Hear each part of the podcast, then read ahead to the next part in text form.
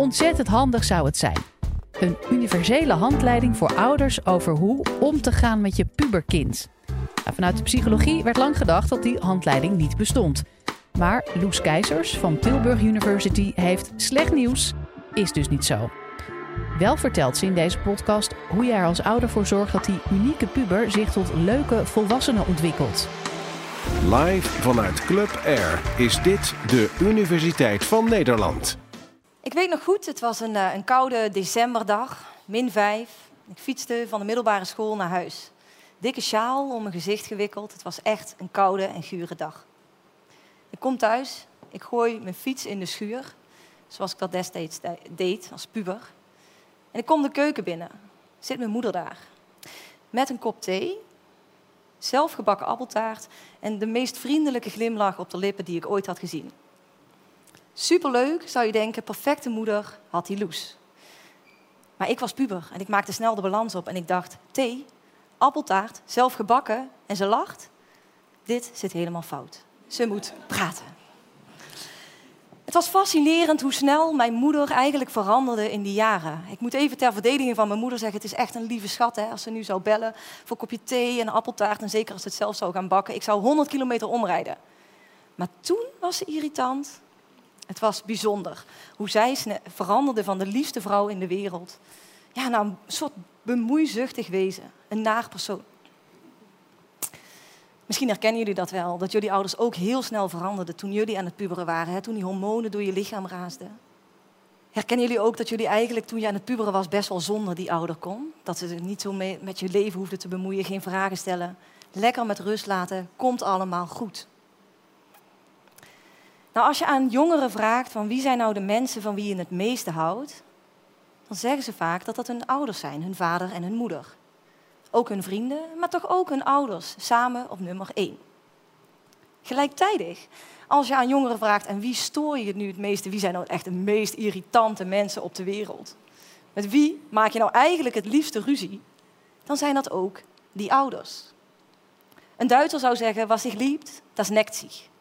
Een mooie paradox in de puberteit. Dus hoe doe je dat nou als ouder? Hoe zorg je er nu voor dat die irritante puber opgroeit tot een leuke, sociale, gezellige en een mentaal weerbare volwassene. Hoe zijn jullie eigenlijk opgegroeid tot zulke leuke mensen? Terwijl jullie misschien ook zelf wel een irritante puber waren. Daar gaat dit college over. Ik ben ontwikkelingspsycholoog. Ik vind het fascinerend om te zien hoe mensen opgroeien. Hoe ze worden, wie ze zijn. Hoe ze allemaal een uniek individu worden. Er verandert ontzettend veel in de puberteit. En daarom vind ik het zo fascinerend om dat te bestuderen. Niet alleen moet je om van kind volwassene te worden fysiek groeien. Je moet een stuk groter worden. Ook hormonaal word je volwassen. Cognitief verandert het een en ander. Je gaat op een andere manier naar de wereld kijken. En met allemaal die veranderingen die plaatsvinden binnen dat kind, moet ook de oude-kindrelatie zich aanpassen aan het veranderde mens.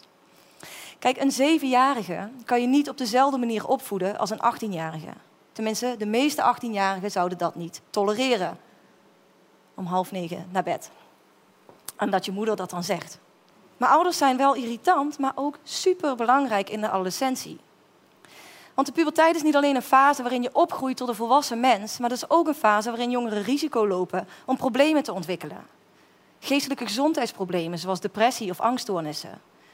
Of in de problemen komen met drank en drugs, of in de criminaliteit belanden. De adolescentiefase is niet alleen een fase waarin je opgroeit tot volwassen individu, een fase van onbeperkte mogelijkheden, maar ook een fase waarin kinderen risico lopen. En we weten uit onderzoek dat kinderen die eigenlijk de optimale opvoeding krijgen, dat die het minste risico hebben om crimineel te worden, of aan de drugs verslaafd te raken, of depressief te worden. Dus hoe doe je dat? En precies die vraag is de heilige graal van onderzoekers die, willen, die onderzoek doen naar opvoeding, naar opvoeding van pubers. Wat zijn nou de kerningrediënten van een succesvolle opvoeding? Wat zouden ouders, de ideale ouders, hoe zien die eruit? Wat doen die in het dagelijkse leven? En nu hebben we natuurlijk wel een beetje een praktisch probleem. Want wij kunnen niet als wetenschappers de godganse dag achter die pubers aan gaan lopen en dan opschrijven wat ze doen en hoe ze reageren met hun ouders wij moeten een iets slimmere manier bedenken. En wat wij dan doen als ontwikkelingspsychologen is wij gebruiken statistiek. Dan zie ik een paar mensen hier met de ogen rollen. Oh, dit gaat over statistiek. Want voor heel veel mensen is statistiek dat ene vak waar ze altijd over struikelden, wat ze echt niet leuk vonden. Maar ja, ik denk altijd als het moeilijk wordt, dan biedt altijd chocola een uitkomst. Dus we hebben hier een bak met paaseitjes. En uh, misschien dat er statistiekhaters in de zaal zijn. En ik hoop persoonlijk dat jullie ook statistiek gebruiken in het dagelijks leven. Maar misschien weten jullie het niet. Dus ik neem jullie graag mee naar mijn favoriete voorbeeld, de paaseitjes. Stel nou, ik ben ontzettend dol op de paaseitjes met hazelnoot. Nou, dan kan ik twee dingen doen. Ik kan die hele bak opeten. Dat is hard werken. Misschien dat het me lukt, dat weet ik niet zeker. Maar met een beetje hulp van jullie denk ik wel dat dat te doen is. En dan zou ik achteraf precies kunnen zeggen dat in alle groene eitjes een hazelnoot zat.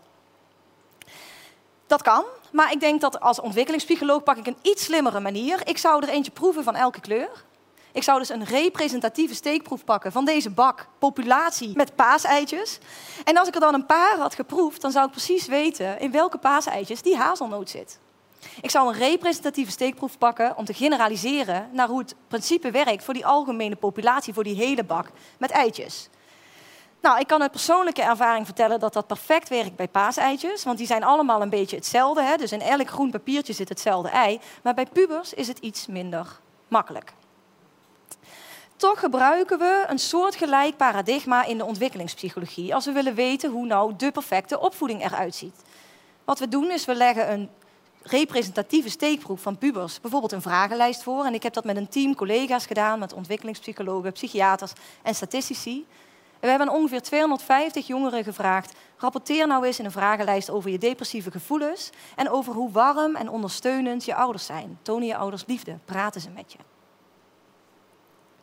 We deden dat bij 250 jongeren en ik laat nu de resultaten zien van 9. Ik heb het hier afgezet op een x-as en een y-as. En hier hebben we één kind en die heeft gerapporteerd over ouderlijke steun en depressieve gevoelens. Laten we er even Anne noemen. Anne uh, rapporteert redelijk veel depressieve gevoelens en vrij weinig ouderlijke steun. Nou, we hebben ook nog een andere deelnemer. Ook die rapporteerde vrij veel depressieve gevoelens en een middelmatig niveau van ouderlijke steun. We hebben er dus eigenlijk 250 onderzocht, maar dit was wel het daadwerkelijke resultaat. Wij vonden een correlatie, een klein negatief verband tussen hoeveel steun jongeren rapporteerden te krijgen van hun ouders en hoeveel depressieve gevoelens dat ze ervaren. Wat ik persoonlijk nou zo cool vond aan die statistiek, is dat we een verband vonden wat te klein was om te hebben geobserveerd met de blote oog. Dus wij vonden een negatief verband wat we nooit hadden kunnen ontdekken zonder dat we correlaties, dit type statistiek hadden toegepast. En omdat we een representatieve steekproef hadden, denk nog aan de paaseitjes, konden we deze bevinding generaliseren naar eigenlijk alle jongeren in Nederland. Dus we hebben een algemeen principe blootgelegd. We hebben ontdekt met deze studie, en er zijn nog veel meer studies die dit bevestigen, dat hoe meer steun je krijgt van je ouders, hoe vaker je ouders zeggen dat ze van je houden, hoe meer ze je uh, met je praten, interesse tonen in je leven, hoe kleiner de kans is dat je depressieve gevoelens hebt in de adolescentie, in die puberteitsjaren. Nou, dit type onderzoek wordt ongeveer 60 jaar gedaan naar de kerningrediënten van opvoeding. En wat we zien is dat er eigenlijk drie hoofdingrediënten zijn die kenmerkend zijn voor de meest succesvolle ouders. Ten eerste moeten ouders regels stellen.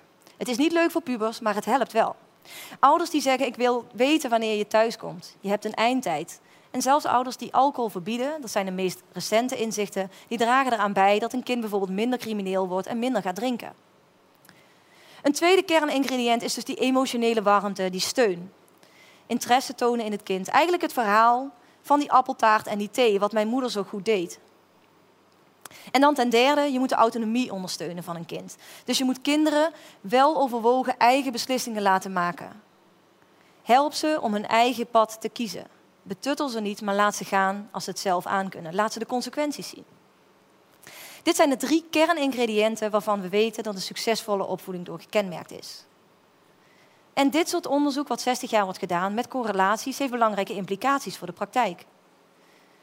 Als wetenschapper hoop ik dat elke ouder toegang heeft tot wetenschappelijk bewezen opvoedadviezen. Niet bakerpraat of onderbuikgevoelens, maar dingen waarvan we weten die werken, waarvan we dat hebben kunnen aantonen. Er zijn ook gezinnen, er zijn ook situaties waarin het wat minder goed gaat met een kind. Waar een kind bijvoorbeeld in de criminaliteit belandt. Ouders krijgen dan vaak opvoedondersteuning. En ook daarvan willen we dat baseren op wetenschappelijk bewezen principes.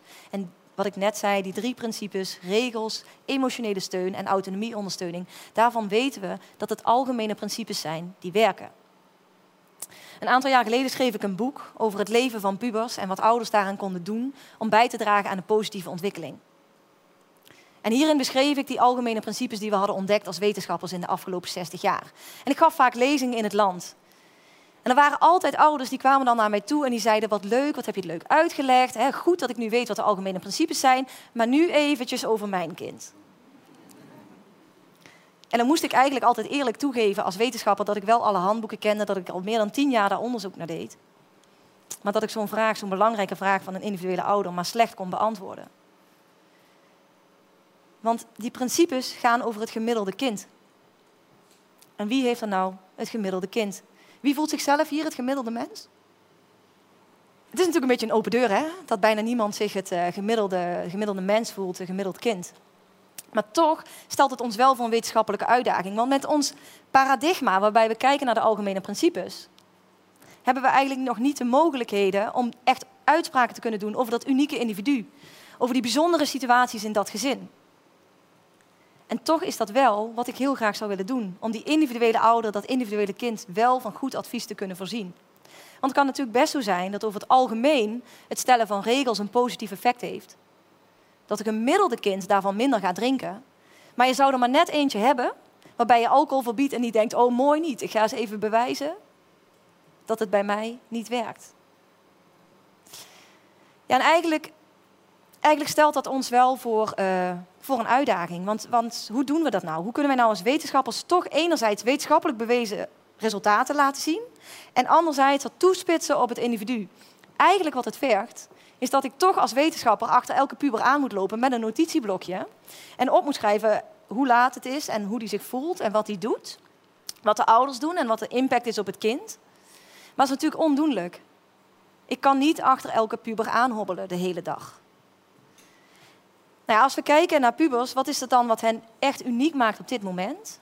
Ten opzichte van pubers in het verleden, is dat ze allemaal als een magneet aan een smartphone zitten vastgekluisterd. En dat geeft op dit moment nieuwe mogelijkheden om dus eigenlijk wel die pubers te volgen in hun dagelijkse leven. En dat is wat ik heb gedaan met een team collega's. Hebben wij 250 pubers in het dagelijks leven gevolgd. Acht keer per dag kregen ze een klein signaaltje en dan kregen ze een microvragenlijst. Wat ben je aan het doen? Hoe voel je je? Wat doen je ouders? Waar ben je? En zo kregen wij een perfect inzicht in het dagelijkse leven, eigenlijk die film van het dagelijkse leven van een individuele puber. Hier is bijvoorbeeld het resultaat van één kind. Dat kind had positieve emoties, maar ook wat negatieve emoties. En we zien dat er twee bijzondere momenten waren in deze week van het individuele kind. En dus dus acht keer per dag gemeten. De ene dip, de eerste dip in de positieve emoties en dat kleine piekje in de negatieve emoties, in de irritatie en de woede, dat was wiskunde gevolgd door aardrijkskunde. Nou, dat is heel begrijpelijk. Die tweede dip, dat was dat het kind probeerde het broertje in bed te doen. Nou, toen we een half uur later nog eens een keer vroegen hoe gaat het nou, toen was het antwoord hij ligt er nog steeds niet in. En dat was die grote piek in negatieve emoties en irritatie. We krijgen dus een soort microbeeld van hoe het dagelijkse leven van pubers eruit ziet en allemaal geautomatiseerd. Ja, en wat we dan zien is dat elk kind echt een totaal andere beleving heeft van het dagelijkse leven. Sommige kinderen hebben heel veel fluctuaties in emoties, andere mensen zijn alleen maar positief, sommige zijn negatief. Maar als we nou kijken naar uh, de resultaten van hoe dat dagelijkse leven dan samenhangt met de opvoeding, dan zagen we wederom dat de kinderen die de meeste steun kregen van hun ouders over het algemeen, dat dat de kinderen waren met de minste depressieve gevoelens. We vonden ook in deze studie het algemene principe. Ouders die liefde tonen, affectie tonen, die vragen hoe het gaat, die kinderen hebben een kleinere kans op depressie. Maar toen gingen we dat toetsen in het dagelijkse leven. Toen wilden wij graag weten voor hoeveel kinderen geldt dit algemene principe nou? Is dit iets algemeens? Is dit universeel? Is het voor alle kinderen zo dat ze zich inderdaad beter voelen op dagen dat hun ouders meer interesse tonen, meer steun geven, meer vragen stellen? Voelen kinderen zich beter op het moment dat de moeder klaar zit met een kopje thee en appeltaart? Of de vader natuurlijk. Want we zagen dat er waren drie kinderen, en ik ga er negen tonen, waren drie kinderen, daar vonden we het algemene principe. Daar vonden we dat zij zich beter voelden op de dagen dat hun ouders inderdaad meer steun gaven. Maar er waren er ook een aantal, daar vonden we eigenlijk niks. Daar vonden we helemaal niet dat ze zich beter voelden, die pubers, op dagen dat hun ouders meer warmte, meer liefde toonden. En er waren er een paar, en dat was heel opmerkelijk, daar vonden we precies het tegenovergestelde van wat we hadden verwacht. Daar vonden we dat die pubers juist meer depressieve gevoelens ervaarden op de dagen dat hun ouders meer interesse toonden, meer liefde lieten zien, meer emotionele steun gaven. Het tegenovergestelde van wat we hadden verwacht. En dat was onmerkelijk, want het laat zien dat er eigenlijk elk kind iets anders nodig heeft. En dit is een van de eerste studies die dat laat zien. Dat er heel veel heterogeniteit is in die effecten die ouders hebben op het welbevinden van een kind. En nu moet ik even eerlijk zijn, dit is echt pas de start. We staan helemaal aan de start van dit nieuwe type onderzoek. Omdat we nu pas die technologie hebben, die smartphones, om dit te doen. En omdat nu pas nieuwe vormen van statistiek zijn ontwikkeld om op individueel niveau iets te kunnen zeggen over hoe een individueel kind functioneert. Maar stel nou dat we een paar jaar vooruit kijken. Wat kunnen we hier dan mee als we met meerdere onderzoekers deze richting opbewegen? Als wetenschapper hoop ik dat alle ouders toegang hebben tot wetenschappelijke wetenschappelijk onderbouwde opvoedadviezen. En dat ze niet hoeven te luisteren naar bakerpraat, maar dat ze een advies kunnen krijgen wat helemaal past bij hun unieke situatie. Bij hun unieke kind. Bij wie ze zelf zijn, bij wat ze kunnen en wat het kind goed op reageert. En als we kijken naar, als we vragen aan ouders van hebben ouders daar behoefte aan, dan zijn er ook veel ouders die zeggen: ik wil best wel even dat steuntje in de rug. Ik heb er best behoefte aan, een goed opvoedadvies. Maar het moet wel toepasbaar zijn in het dagelijkse leven. Dus wat we hopelijk kunnen doen in de toekomst, is als we opvoedondersteuning geven, of dat nou een advies is of een interventie als het moeilijk gaat, is dat we dat kunnen toesnijden op de unieke gezinssituatie, op het unieke kind en het unieke functioneren van dat systeem. Zodat het effectiever is dan een algemeen principe wat bij de een wel werkt en bij de ander niet. Persoonlijk hoop ik dat ik over ongeveer vijf jaar een app heb geprogrammeerd die gewoon vrij beschikbaar is die ouders kunnen gebruiken om een advies te krijgen wat helemaal past bij henzelf, bij hun kind, bij wat zij nodig hebben. Dat is voor de toekomst. Maar voor nu geef ik jullie graag het antwoord op de vraag. Want hoe zijn wij nu allemaal bij elkaar zulke leuke volwassenen geworden? Terwijl we toch irritante pubers waren.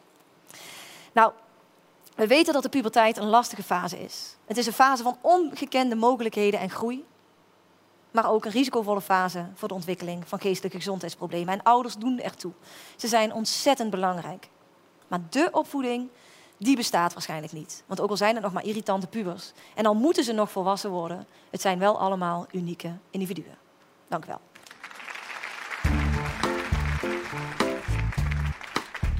Dit was de Universiteit van Nederland. Wil je nou nog meer horen, bijvoorbeeld over de vraag waarom zoveel millennials kampen met een burn-out? Of hoe je een oogbal kunt bioprinten? Check de hele playlist.